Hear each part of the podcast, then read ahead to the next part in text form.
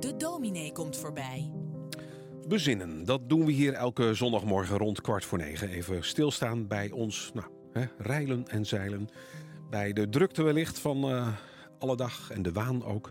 Met een dominee, een geestelijk verzorger, iemand die werkzaam is bij het Leger des Heils.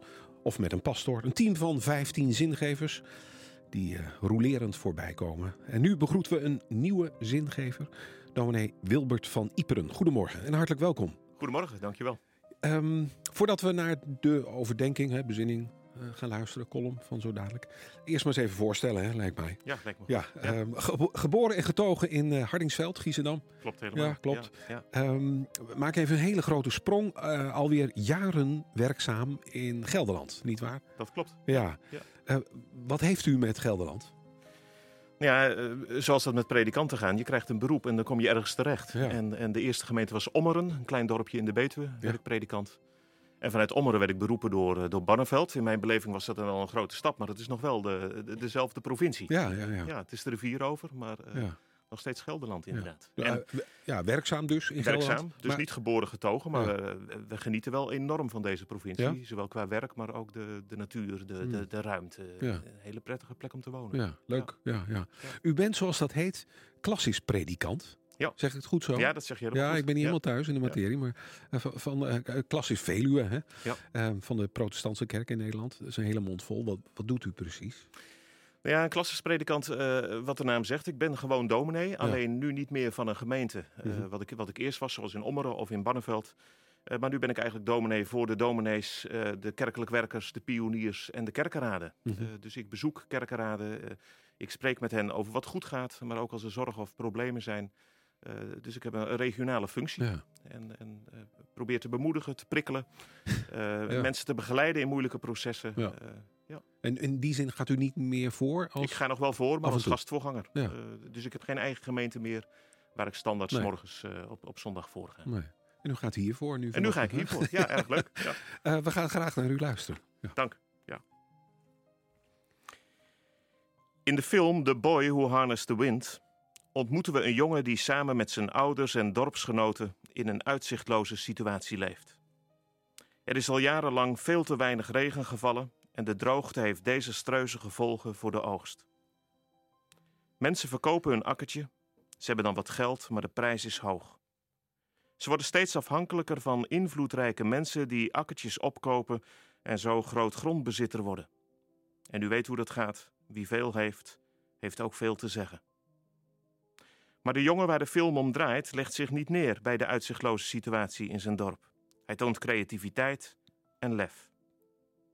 De jongen is vaak in de plaatselijke bibliotheek te vinden. Nou ja, bibliotheek, een kale ruimte met een paar boekenkasten.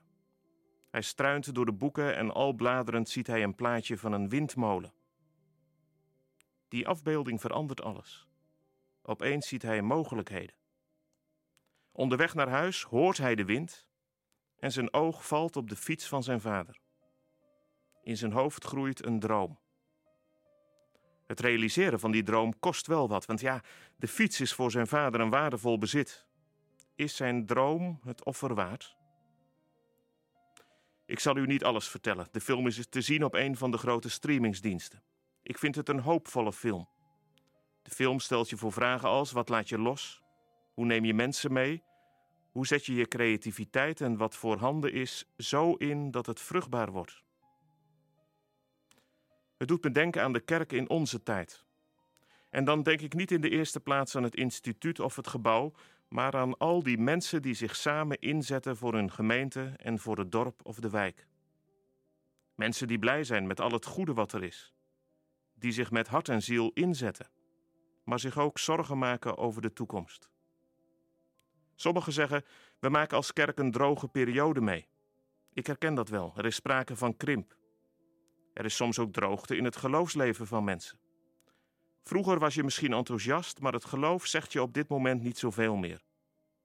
Of jouzelf nog wel, maar je ziet dat het je kinderen en kleinkinderen dat die veel minder hebben met de Bijbel en de kerk. Hoe ga je om met die situatie? Wat doe je? Krimp kan leiden tot berusting. Je denkt: het is niet anders, niks aan te doen. We wachten rustig af tot de laatste het licht uitdoet. Net als die mensen in het dorp van die jongen die hun akkertje tenslotte maar verkopen.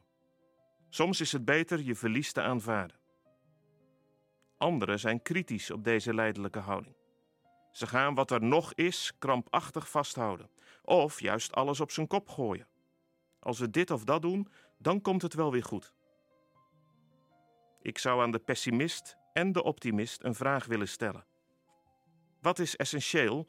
Waar draait het echt om? Wat kunnen we niet loslaten, omdat dat juist de kern is van het christelijk geloof? Maar dan wel vanuit een open houding. Hoe kunnen we het verhaal van God met mensen zo beleven en zo delen dat het mensen raakt en ons de wind in de zeilen geeft? Voor het christelijk geloof is het werkwoord hopen richtgevend. Een mens met hoop is niet hetzelfde als een optimist. Het is niet een kwestie van even de schouders eronder en dan komt het wel weer goed. Een mens met hoop is ook niet hetzelfde als een pessimist die zegt: het wordt allemaal toch niks met de kerk en de wereld. Hopen, dat is moed houden en vertrouwen dat we het niet allemaal zelf hoeven te doen, omdat God erbij is. Hopen is goed kijken naar wat er is, net als die jongen in de film. Hij hoorde de wind. Hij zag de fiets van zijn vader. Waarderen wat je hebt, lef hebben en vertrouwen op God. Hij geeft creativiteit om nieuwe wegen te vinden.